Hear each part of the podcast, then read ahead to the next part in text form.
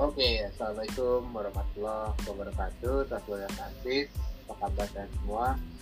Semoga uh, Transbulan Francis pada sehat semua di mana pun kalian berada. Nah, uh, kali ini kita mau ngobrol-ngobrol tentang pengembangan suatu kota nih ya. Tapi kita main-main ke kota istimewa nih, Yogyakarta. Nah, by the way kan Jogja ini uh, kota wisata ya yang selalu ramai gitu. Terus juga kalau namanya ramai itu pasti bakalan identik sama yang namanya macet gitu karena kepadatan uh, volume kendaraan yang ada di kota tersebut gitu ya. Nah, meskipun begitu udah banyak cara nih yang dilakukan untuk memperbaikinya Nah salah satunya kan sekarang nih di Jogja nih ada layanan bis kota Trans Jogja ya. Terus juga ada yang teman bus juga yang by the service itu tuh. Nah terus juga ada KRL itu juga kereta bandara itu. Memang uh, mostly ke, menurut pantauan ya itu ramai gitu.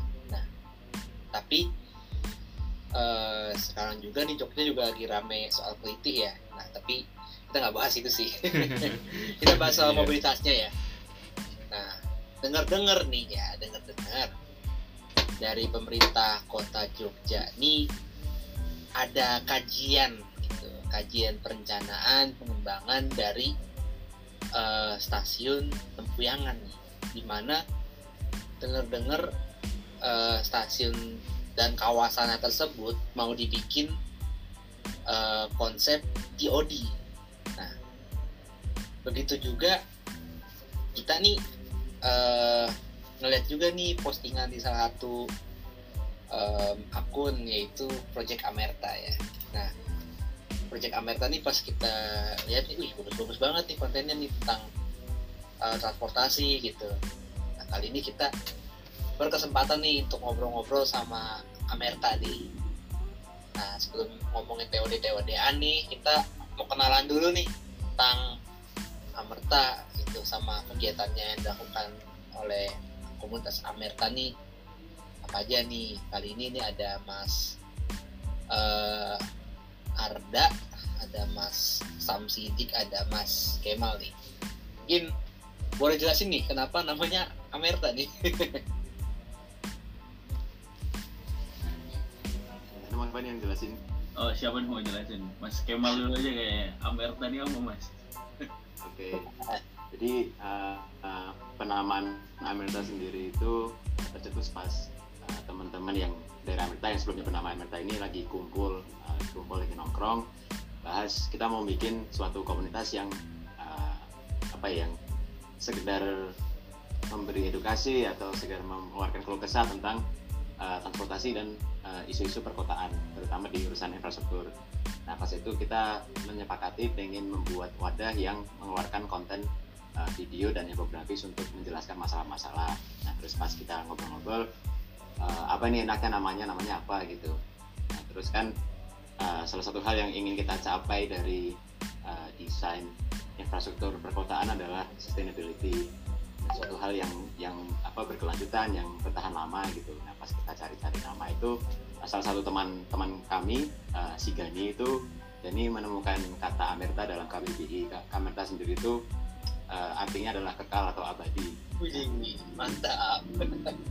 Kekal atau abadi ini kan bisa di, diartikan sebagai uh, sustainability atau berkelanjutan. Jadi makanya uh, nama kita adalah Amerta dengan apa ya cita-cita untuk bisa uh, mendorong kota supaya sustainable agar abadi gitu mas. Oh mantap banget ya namanya ya. Ya, kurang, kurang, kurang lebih begitu. Akhirnya tahu nih, Amerta itu dari bahasa ini ya, Sanskerta ya? Kayaknya nggak tahu ya, mungkin asal masanya iya, tapi dari KBBI ada itu mas Amerta. KBBI ada pokoknya ya, gitu ya. Iya. Berarti kegiatannya nih uh, kita uh, men-sharing informasi dan research juga ya soal transportasi ke berkelanjutan ya.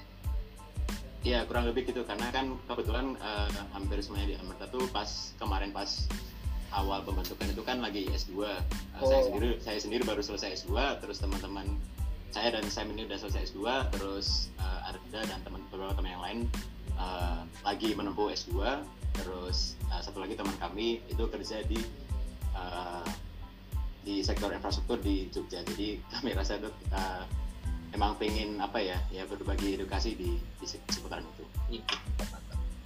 By the way, ini Amarta nih base-nya di Jogja ya. Iya, Amarta emang base-nya di Jogja sih kita terbentuknya juga di Jogja. Kemudian eh, istilahnya founder-foundernya juga eh, awalnya kumpulnya di Jogja. Iya. Ya, Nah, karena kami- Pun sebenarnya yang dibahas juga nggak tentang Jogja aja gitu loh. banyak ya, banyak. Iya. karena kita kebetulan semuanya kuliahnya di tempat yang sama terus udah kenal lama terus punya interest yang sama jadi uh, ketemunya di situ mas Iya. iya. Oke, oke.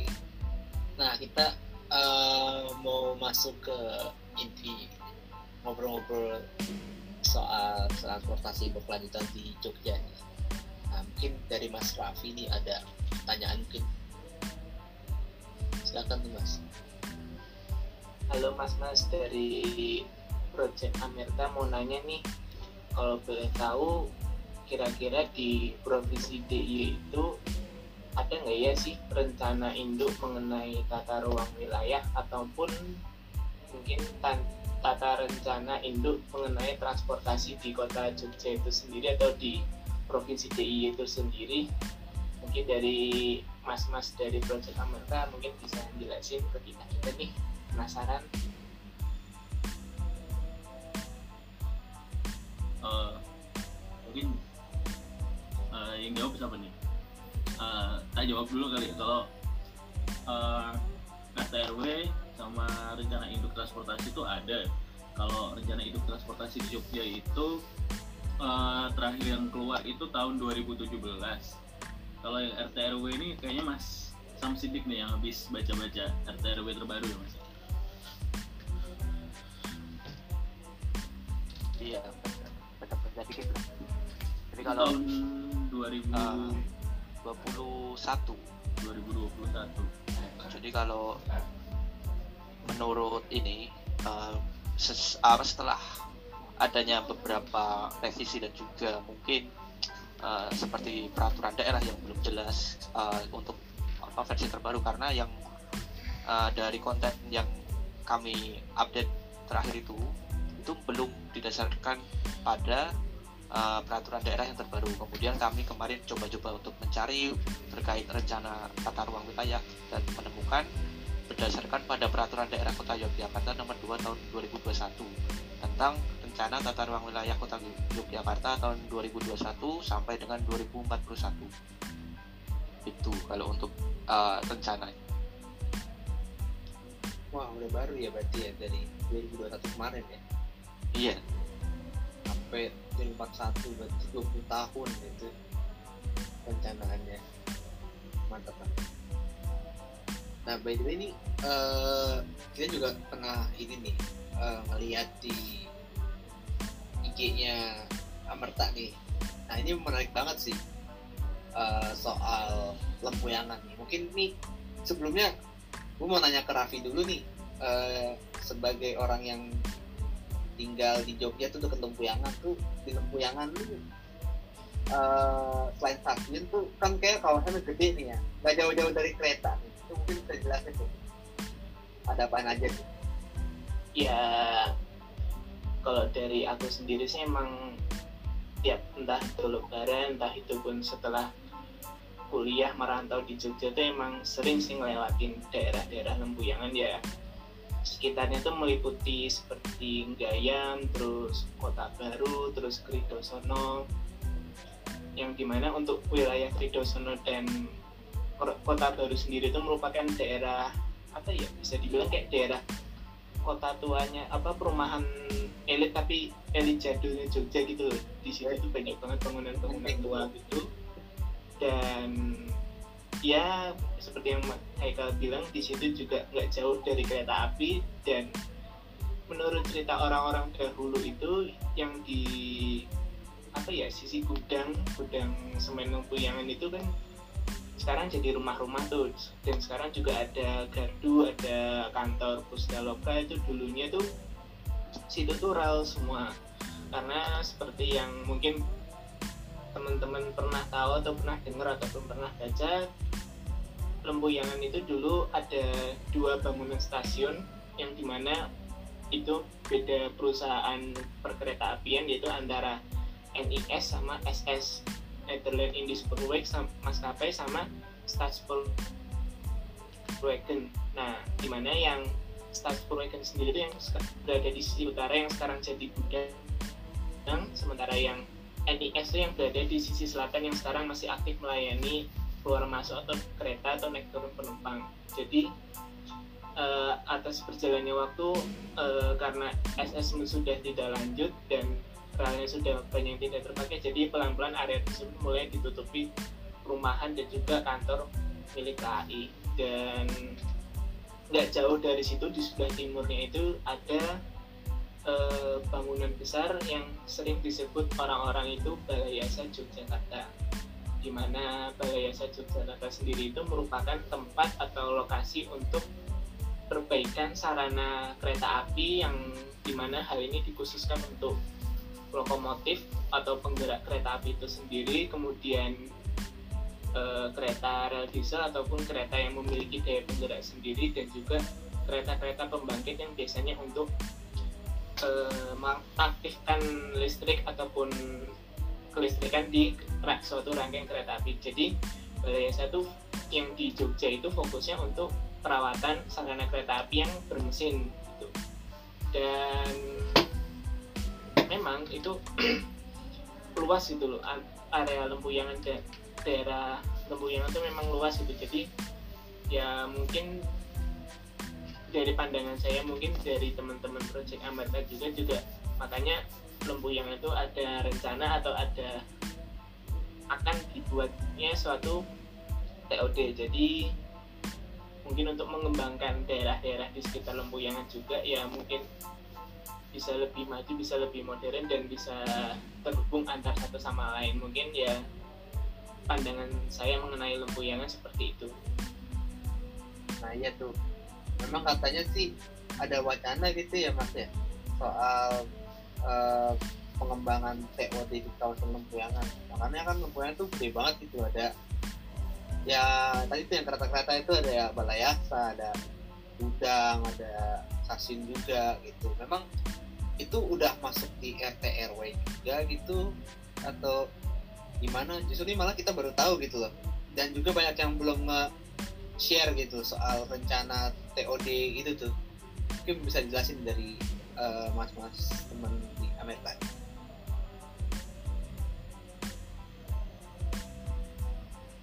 uh, mungkin kalau untuk um, pengembangan kawasan TOD itu uh, seperti yang dibilang Sam tadi itu sudah ada di uh, RT RW tahun 2021 kemarin nah, di Jogja sendiri itu uh, kalau mengacunya pada RT RW itu akan ada tiga kawasan uh, TOD yang akan dikembangkan itu uh, TOD Tugu, TOD Lempuyangan sama TOD Giwangan. Nah, TOD Tugu sama Lempuyangan kan uh, cenderung fokusnya ke kawasan yang um, dilayani oleh stasiun kereta, uh, sedangkan kalau untuk uh, Giwangan itu nanti lebih ke arah terminal bus. Iya, gitu sih. Jadi um, kalau uh, masuknya di mana dalam peraturan itu sudah ada di RT RW. Hmm, nah, kira-kira nih dari teman-teman Amerta nih uh, mengenai wacana atau rencana lah ya soal TOD Lempuyangan nih ada yang ini gak sih kira-kira tuh mengawal atau uh, istilahnya apa ya nah itulah nah, ngeliat lah gitu. Kira-kira bakal dibangun kapan nih? Terus juga kira-kira konsepnya nih apakah ya misalnya pada konsepnya yang suka di share sama ITP nih? Kayak yang ada 8 kriteria TOD tuh yang compact yang segala macam itulah pokoknya lah ya. Nah tuh uh, apa ada niatan ke situ nggak sih dari teman-teman Amerika nih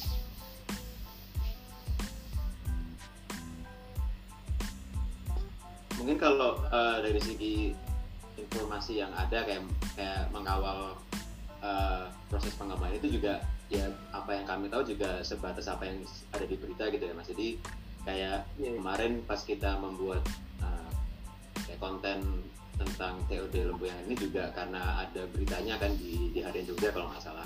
Oh, dan itu kan pas di apa di beritanya Harian Jogja itu kan ada mempamerkan maketnya kan ya maket uh, rencana pengembangan dari teori lembungnya sendiri.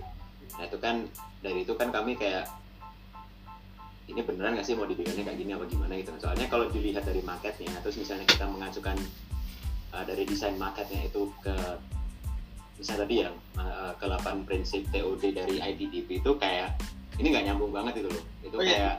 Itu nggak nyambung banget itu, itu kayak kayak banyak banyakan TOD yang dikembangkan di Jakarta itu yang cuma latah menggunakan latah menggunakan jargon TOD aja gitu tapi bukan TOD beneran soalnya nggak masuk akal kalau misalnya kita membangun kawasan TOD tapi masih menyediakan fasilitas parkir kendaraan pribadi gitu kan iya iya. itu kan Kayak- kayak bikin anu mas bikin apartemen sama hotel tapi konsepnya TOD gitu Nempel doang gitu ya. ya jadi masih masih sering apa ya salah kaprah tentang pengembangan yang berdekatan dengan stasiun itu nggak semuanya itu TOD gitu. Ada yang namanya ada yang namanya TOD itu memang benar-benar uh, berorientasi pada angkutan umum ada juga yang TAD atau Transit Adjacent Development itu ya ya udah itu pengembangan yang berdekatan sama uh, stasiun atau halte angkutan umum itu sekedar untuk meningkatkan uh, nilai propertinya kan. Karena kalau uh, properti yang misalnya apartemen atau hotel itu kalau misalnya aksesibilitas dari kendaraan umum itu lebih banyak lebih banyak modalnya itu juga akan meningkatkan nilai investasinya gitu jadi mungkin karena itu ya latahnya orang Indonesia untuk untuk apa namanya ikut-ikut membuat TOD sebenarnya itu nggak nggak sesuai dengan prinsipnya gitu Oh iya. iya. Jadi tuh dalam marketnya tuh eh apa namanya? Ada apartemen gitu banyak lah ya gitu.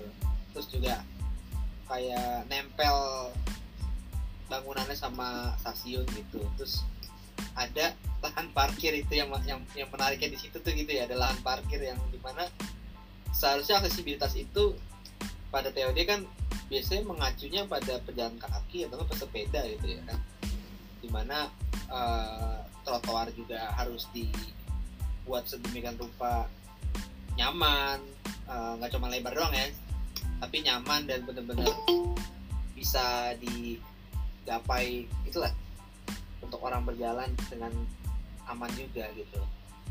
Nah terus juga nih kalau ngomongin kebangunannya nih nah ini kan agak-agak rancu ya gitu ya mas karena kalau misalnya dibongkar banyak gitu loh itu kan ada namanya cagar budaya gitu aset-aset perkereta apian tuh.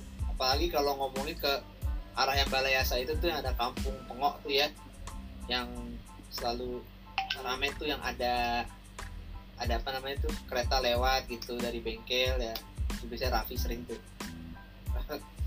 Nah itu kan ngeri-ngeri juga gitu loh kalau ngomongin ada cagar budaya di situ kalau dibongkar gitu. Wah itu gimana tuh tanggapan dari mas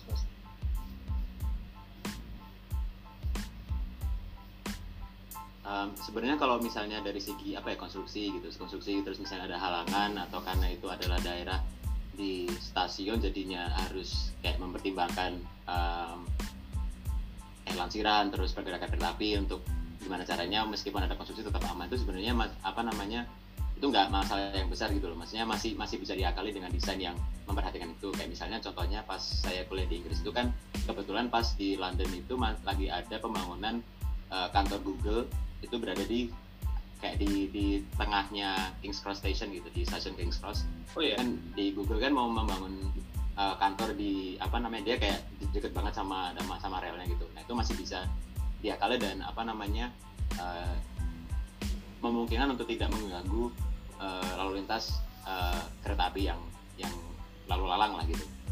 Kalau kalau dari segi konstruksi sebenarnya nggak nggak masalah selama kan kan ada ini ada ada peraturan peraturannya untuk gimana caranya kita uh, membangun tanpa merusak cagar budaya tanpa apa uh, membahayakan uh, lalu lintas kereta api yang ada. Kayak misalnya juga kalau di lintas selatan Jawa itu kan juga kemarin habis double track tuh double track um, ruas kalau nggak salah dari Purwokerto ke arah Jogja ya.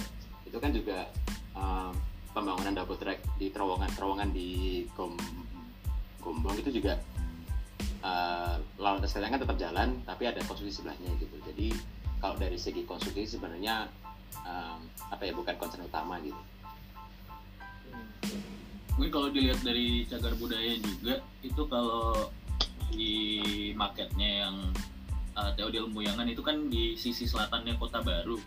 Terus uh, juga nggak sampai ke Balayasa gitu loh masih ya di daerah Lempuyangan tapi uh, nggak nyampe Balayasa juga nggak nyampe ke daerah Kota Baru. Cuman mungkin yang jadi concern itu ya masalah uh, TOD-nya ini benar-benar TOD atau TOD TOD-an gitu. oh iya iya. Nah, makanya ini juga perlu di apa sih diomongin. Selain TOD-nya itu soal bangunan cagar budaya nih kan.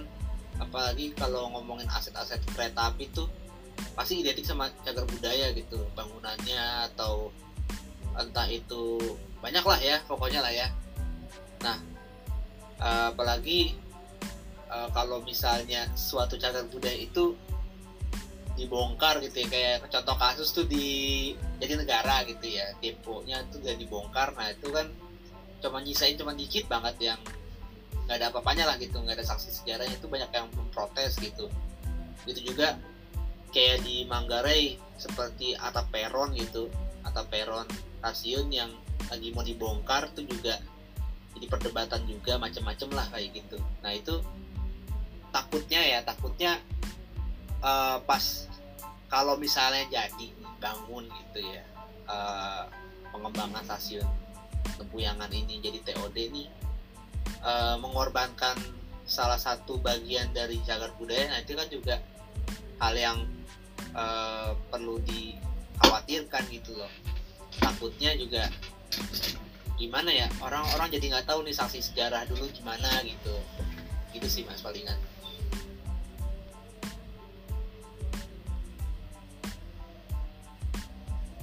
oke kita lanjut lagi nih ke pertanyaan berikutnya. Mungkin dari Mas Azam nih.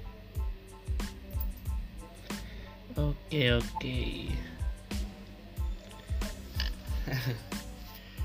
Sebelumnya sih pengen nanya ya soal waktu itu.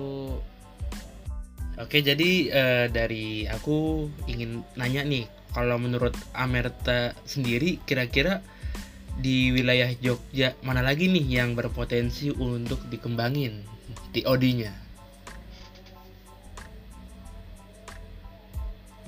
Uh, mungkin kalau dari segi apa ya uh, kawasan lain atau apa itu mungkin yang yang sudah ditetapkan dalam RTP itu sudah sudah tepat ya. Maksudnya uh, kawasan-kawasan stasiun itu memang memang biasanya emang cocok untuk dikembangkan sebagai uh, kawasan TOD gitu. Cuman kayak misalnya di di ya tadi kan yang dibahas ada sama Sam tadi kan ini TOD benar atau TOD TOD gitu kan. Karena Iya. sering sering banget salah kaprah masalah definisi dari TOD sendiri gitu kan. Benar yang nah ini kan yang yang di yang digembar-gemborkan masa teori ilmunya kan bukan TOD-nya tapi lebih kayak oh ini mau modernisasi bangunan, oh ini mau naruh apartemen di situ, oh ini mau naruh uh, shopping center di bawah Dosono gitu kan. Itu kan itu kayak itu uh, apa ya kayak kayak bahas-bahasan investasi gitu lah mungkin yang buat menarik orang-orang untuk investasi tapi bukan nggak ada bahasan yang substansial mengenai TOD sendiri gitu kan. Ya kita kembali lagi ke ke 8 prinsip ITDP tadi kan yang pertama kan masalah berjalan kaki. Nah kalau misalnya orang Jogja ini yang pernah atau orang siapa pun yang pernah ke daerah stasiun Moyangan itu kan itu kayak nggak ada trotoar gitu kan? Kalau Iya. misalnya itu kan kalau misalnya contohnya itu kalau misalnya kalian mau turun dari dari stasiun itu misalnya mau naik bus atau misalnya mau panggil grab atau gojek atau apa itu kan jalannya harus jalan ke jalan gitu kan nggak ada trotoar yang luas tuh terus sisi sisi selatan jalan yang di pintu masuknya Moyangan juga dipakai buat parkiran gitu jadi mungkin yang pertama yang harusnya ditonjolkan tuh eh, ini mau mau dikembangkannya itu seperti apa trotoarnya untuk memudahkan untuk jalan kaki di situ kan? Dan bukan bukan cuman kegiatan yang bersumbernya dari stasiun aja tapi juga masyarakat yang hidupnya di sekitar rumah itu juga harus difasilitasi untuk mereka bergerak di kawasan TOD-nya itu seperti apa gitu kan? Betul. Apakah ada ada trotoar ada jalur sepeda gitu kan? Terus eh, gimana caranya itu kalau ada TOD pun nggak mengganggu eh, apa ya, kehidupan masyarakat di situ gitu kan terus misalnya mungkin juga se- Iya, terus misalnya secara, secara pragmatis nih, kalau misalnya kita mau mengembangkan TOD itu kan uh, harus ada harus ada uh, keterpaduan moda gitu, misalnya dari dari kereta ke bis gitu. Nah, di Lumpuyangan sendiri itu halte yang melayani Trans Jogja untuk stasiun Lumpuyangan itu cuma ada satu dan itu nggak nempel langsung di stasiunnya gitu. Iya iya. Jadi ada nggak ada keterpaduan fisik antara stasiun dengan halte bus itu harus uh, kalau misalnya mau naik bus itu harus jalan sekitar 200-300 meter ke arah barat. Itu ada halte. Nah haltenya pun juga cuman halte portable. Jadi cuman cuman kayak ada tangga gitu buat naik ke busnya itu nggak ada penduduknya nggak ada apa juga. Uh, pokoknya nggak layak deh kalau kalau menurutku pribadi gitu ya. Nggak layak untuk di apa ya untuk disebut sebagai halte yang melayani stasiun. Nah selain itu yang halte yang dekat itu ya cuman ada satu lagi itu jalan sekitar 500 meteran ke arah ke arah timur di bekas bioskop Mataram itu. Di situ ada halte lagi nah selain masalah haltenya yang tidak dekat sama stasiun dan tidak ada keterpaduan fisik itu juga rute yang melayani stasiun Lembang itu cuma dikit jadi kalau uh, misalnya buka peta dari teman-teman dari transport for Jogja itu cuman ada dua dua rute yang melayani halte cuma dua ada dua rute bus yang melayani halte Lempuyangan itu kalau nggak salah rute 4B dan rute 10 Iya. Nah itu itu ditulis ditulisnya pun juga frekuensi headway busnya cuma 15 menit itu juga kayaknya kondisi kondisi ideal ya. Maksudnya kondisi kondisi ideal operasional dari Trans Jogja bukan kondisi realnya soalnya sering banget kalau misalnya kalian naik Trans Jogja itu sering telat atau apalah. Jadi itu itu kalau membuat TOD dengan frekuensi uh, transportasi publiknya cuma 15 menit itu itu masih masih belum TOD gitu loh. Harusnya harusnya tuh ya lima menit lah atau apa itu yang lebih sering dan juga rutenya tuh harusnya lebih banyak gitu masa kita mau membuat TOD di yang itu kalah sama kalah apa ya jumlah rute yang melayani stasiun daripada misalnya di Ngabean Ya. atau di Giwangan gitu kan. Itu juga harus di, di apa ya menjadi perhatian pemerintah untuk meningkatkan aksesibilitas dari uh, kawasan TOD Lumpuyangan gitu kan. Soalnya di situ mau ada mall mau ada hotel mau ada apartemen mau ada apa pun. Di situ kan juga harus apa namanya orang nggak nggak bisa mengakses kawasan itu kalau misalnya nggak ada nggak ada ininya nggak ada angkutan umumnya gitu kan. Jadi harus kalau misalnya mau menambah orang yang datang ke kawasan itu juga harus meningkatkan di- tadi apa frekuensi headway rute yang udah ada sama nambah rute yang melayani kawasan TOD itu. Misalnya contohnya kan karena kurang Jogja orang Jogja kalau misalnya di sana pun ada ada apa ya ada pusat kegiatan ada ada mall atau ada apa ya ada restoran-restoran di situ juga. Kalau misalnya di sana susah untuk uh, dijangkau juga aku nggak bakal ke sana gitu loh. Itu sih kalau um, bahas tadi tadi sebelumnya kita bahas melebar ke kawasan-kawasan TOD mana lain di Jogja yang perlu di yang bisa dikembangkan. Mungkin dari tiga tempat yang sudah akan dikembangkan ini juga harus di um, harus lebih perhatian sih apa yang harus dikembangkan jadi jangan sampai apa ya kalau bisa kan jangan sampai di stasiun Tugu gitu. Stasiun Tugu kan se- sebenarnya udah udah lumayan ya dalam Iya iya. mungkin buat buat buat ukuran Indonesia udah lumayan. Dalam artian di udah ada perhatian terhadap pejalan kakinya. Cuman itu kalau misalnya kalian di stasiun Tugu di TOD Tugu itu bisa jalan kaki cuma di sisi utara jalan di sisi yang nempel ke stasiun di sisi selatan jalan itu nggak ada trotoarnya gitu. Terus juga dari kalau misalnya kita mau nyebrang dari dari Tugu ke Malioboro juga masih agak susah gitu kan. Apa namanya nggak ada uh, pedestrian crossing sebidang terus masih banyak uh, uh, kayak ojol atau atau ojek lainnya yang mangkal di situ terus banyak apa grabcar gokar gitu juga apa nurunin penumpang dengan bebas gitu. Itu harus di uh, ditata gitu. Betul. Sama ini apa tuh namanya pedestriannya tinggi banget mas yang ditunggu itu Iya, soalnya kan Malioboro itu ya udah jadi jalur pedestrian semua ya. Oh, masih ada jalur kendaraannya sih yang di ya itu itu Pemda nggak nggak berani buat untuk akses lalu lintasnya. Itu soalnya masih ada soalnya jam-jam yang steril kendaraan bermotor cuma sebentar. Terus yang kayak yang dibilang ada tadi curb atau tinggi trotoar dari dari apa namanya dari tinggi trotoar ke jalannya tapi kalau misalnya kita mau nyebrang jalan itu eh, apa ya ketinggian itu lumayan gitu Iya, iya. kalau misalnya kita yang nggak ada masalah fisik maksudnya bisa berjalan apa normal gitu ya itu nggak masalah tapi kalau misalnya orang misalnya eh, punya disabilitas atau pakai kursi roda atau Ya. eh, orang yang udah sepuh atau udah tua gitu kan juga susah masian untuk untuk jalan kaki jadi ya oke lah maksudnya mas udah ada udah ada peningkatan untuk untuk masuk ke masuk sebagai sebagai TOD cuman masih banyak banget PR-nya gitu. Ya memang berarti Eh, apa tuh nambahin yang ini apa tuh namanya? Eh, kawasan-kawasan TOD mana yang istilahnya cocok buat di Jogja ini kalau menurut aku aja sih tapi nggak tahu kalau eh, mungkin ada yang ada tambahan dari yang lain. Kalau menurutku malah eh, pengembangan eh, berbasis transit ini kayak malah lebih cocok di eh, kawasan-kawasan pendidikan ya. Kan Jogja ini terkenalnya kota pendidikan ya. Gimana caranya biar eh, kawasan-kawasan kampus universitas gitu istilahnya mereka tuh uh, ya pengembangannya ber- berbasis transit gitu loh. Artinya mahasiswa tuh uh, nggak harus menggunakan kendaraan bermotor di kawasan kampusnya itu uh, ya istilahnya tempat tinggal mereka dekat kampus terus di uh, kawasan kampus tuh mereka bisa uh, ya ada ada pertokoannya ada ada ada kebutuhan uh, sehari-hari terus ada uh, apa tuh namanya uh, tempat tinggal mereka juga di sana ya. Mungkin di malah lebih fokusnya di wilayah-wilayah kampus kalau menurut aku. Hmm, iya bisa tuh bisa mas. Kayak UGM juga terus juga apa PN gitu ya. Banyak banyak sih kayaknya kalau di daerah-daerah kampus gitu ya kalau dibikin konsep modelan kayak TOD gitu ya. Tapi ya mungkin kalau ngomongin transportasinya mungkin hanya berbasis pada bis kali ya untuk feeder segala macam gitu ya mas ya?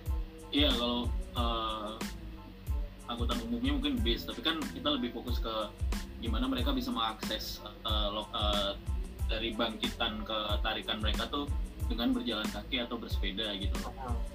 Membuat apa kawasan yang kompak lah gitu ya? Ya kan Iya, sama. banyak tuh kalau kita lihat di seturan gitu kan selain padat banget kendaraan bermotor iya iya iya banyak kampus, banyak tempat makan, banyak tempat tinggal mahasiswa, tapi eh, nggak ada pedestrian yang layak, nggak ada jalur sepeda, adanya cuma ke jalur kendaraan bermotor, akhirnya cuma macet-macet aja kan di kawasan itu. Iya, yang dekat apa eh Selokan Mataram juga tuh banyak tongkrongan-tongkrongan yang rame gitu. Tapi ya sayangnya itu harusnya bisa dimanfaatin lagi biar lebih kompak gitu ya. Jadi pergerakan manusia atau pergerakannya orang-orang kayak mahasiswa gitu sekitar-sekitar situ aja gitu loh, nggak usah ke mana-mana gitu.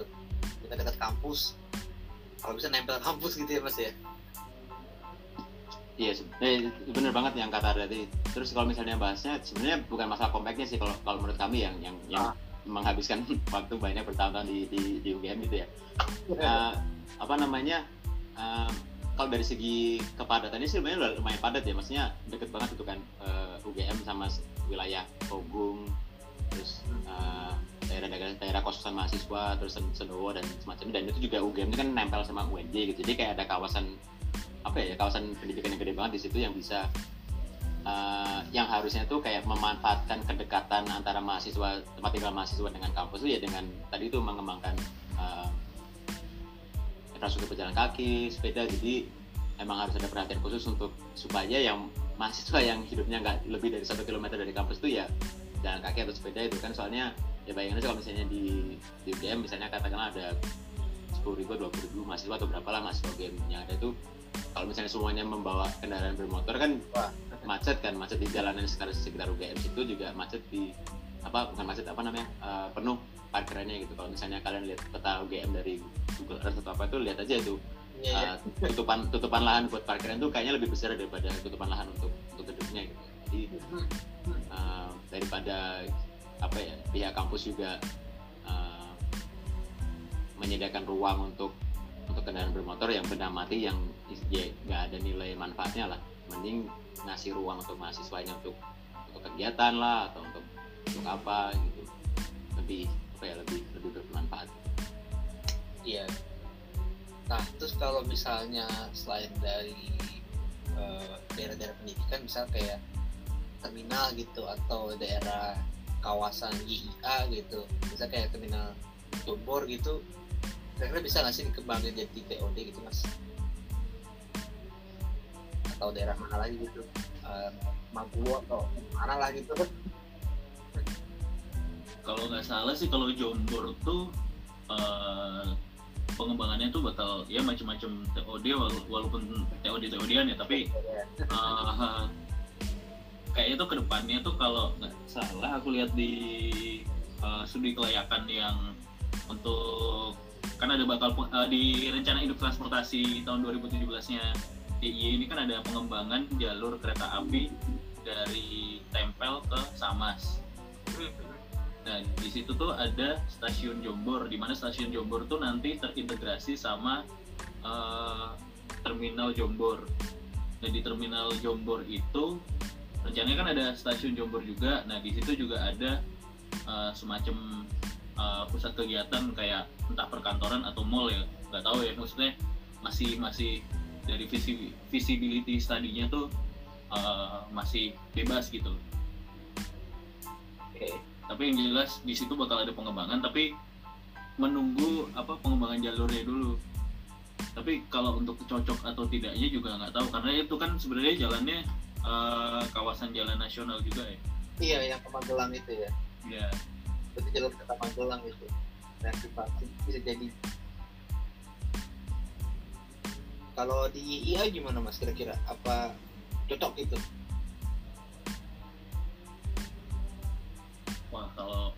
Kalau Mas Kemal gimana Mas? Iya mungkin kalau misalnya Yeye itu kan apa ya um, kalau misalnya mau mengembangkan TOD di Yeye itu lebih ke memfasilitasi agar orang yang sehari harinya berkegiatan di sekitaran bandara itu nggak jauh gitu mas. Misalnya uh, karyawan atau pegawai bandara itu uh, tempat tinggalnya di sekitar situ terus kayak apa ya, ya mungkin konsep-konsep yang kayak aerotropolis aerotropolis gitu yang yang yang bisa dikembangkan di situ. Cuman kalau misalnya untuk kesehariannya itu juga nggak banyak orang yang punya apa ya itu tujuan tujuan perjalanan ke bandara ya untuk untuk naik pesawat gitu kan. Nggak ada kegiatan lainnya gitu kan. Mungkin itu yang secara secara prinsip mungkin bertolak belakang sama sama TUD gitu karena TUD kan emang eh, sebenarnya untuk untuk apa ya untuk kegiatan yang di mana di daerah situ tuh eh, compact dekat terus eh, bisa di apa ya untuk untuk keseharian gitu kan nah, sedangkan kalau misalnya di Jaya kan ya selain selain orang yang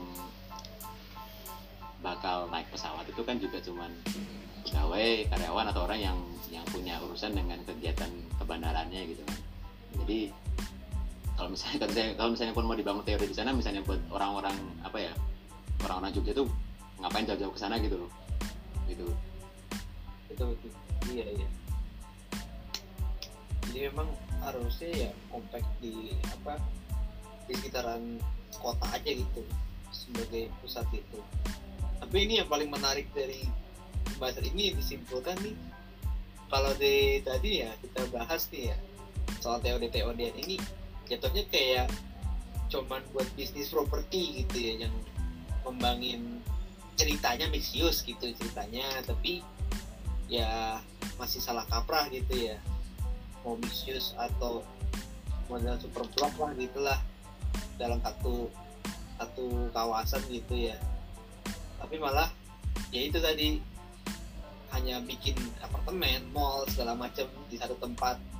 Tapi nggak ada aksesibilitas untuk jalan kaki ataupun kawasannya juga lebih diberdayakan lagi gitu. Yang seperti misalnya kayak PKL segala macam. Itu kan juga perlu diperhatiin ya mas ya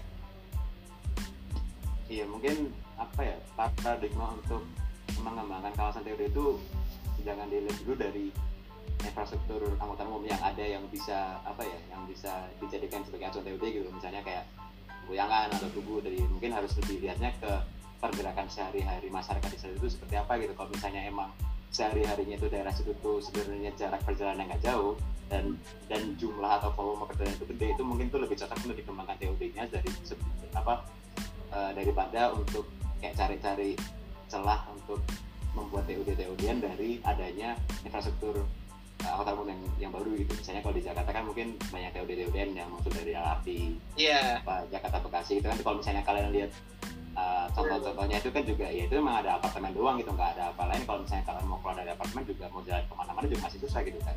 Benar benar jadi mungkin paradigmanya pemerintah harus harus dialihkan kalau TUD itu nggak bermual nggak- apa namanya nggak nggak ber- berasal dari adanya infrastruktur angkutan yang besar tapi lihat dari jarak dan volume perjalanan masyarakat di atau orang yang bertempat tinggal di kawasan itu gitu. makanya tadi kamu bilang uh, TUD itu mungkin lebih cocok kalau misalnya di Jogja itu dikembangkan di area-area pendidikan yang emang uh, orang-orang di sekitar situ tuh uh, jarak dari tempat tinggal ke tempat kegiatan mereka dekat terus tapi selama ini harus ditempuh menggunakan kendaraan bermotor gitu. atau mungkin selain selain fasilitas pendidikan mungkin juga misalnya pusat perkantoran pemerintah gitu misalnya di Sleman di Teguh atau di di pusat-pusat yang apa namanya emang pergerakan masyarakat itu apa pergerakan orang itu dekat oh bahkan kalau boleh ngomong itu juga di wilayah keraton mungkin cocok juga untuk TOD maksudnya kan mereka di satu kawasan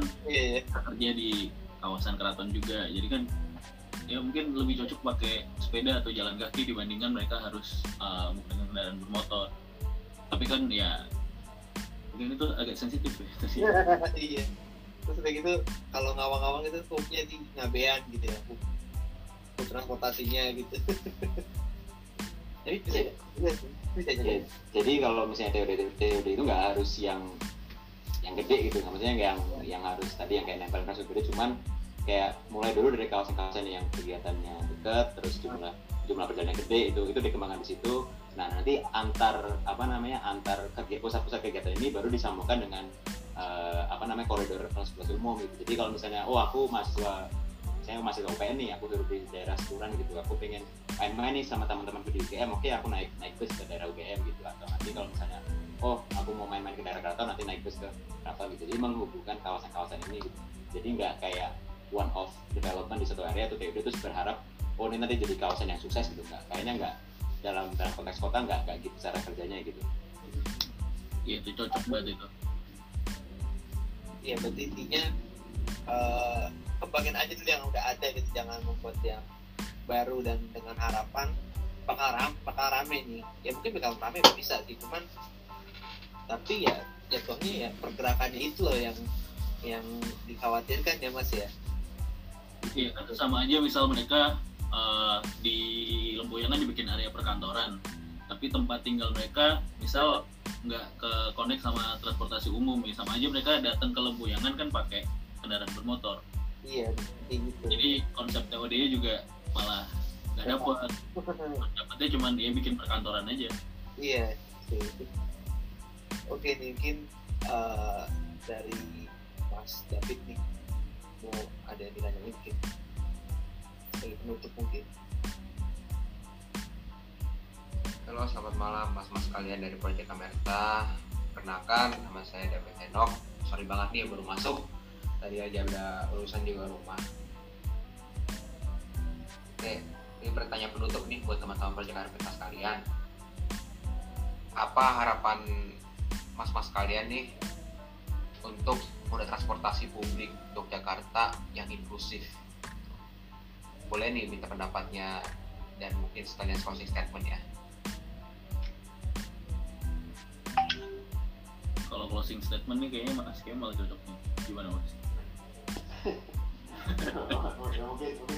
harapan dulu harap- harapan dulu deh dari mas dari mas dari mas mas kalian dulu apa harapan dulu nih dari mas mas kalian baru nanti boleh lah soal closing statement perwakilan Oh. gitu Kalau menurut aku sih ya kalau transportasi yang inklusif tuh ya jelas transportasi umum, jalan kaki, jalan kaki tuh inklusif banget lah. Maksudnya semua orang bisa jalan kaki kecuali yang ya punya kebutuhan khusus. Pun mereka juga harusnya bisa menikmati eh, fasilitas-fasilitas publik di mana eh, mereka eh, orang-orang lain bisa berjalan, mereka juga bisa menggunakan kursi roda atau eh, semacamnya. Ya menurutku harus ada fasilitas pejalan kaki ditambah dengan uh, transportasi umum entah bis atau entah kereta api entah uh, transportasi lainnya. Tapi yang jelas uh, orang bisa jalan kaki dulu itu udah udah udah enak sih.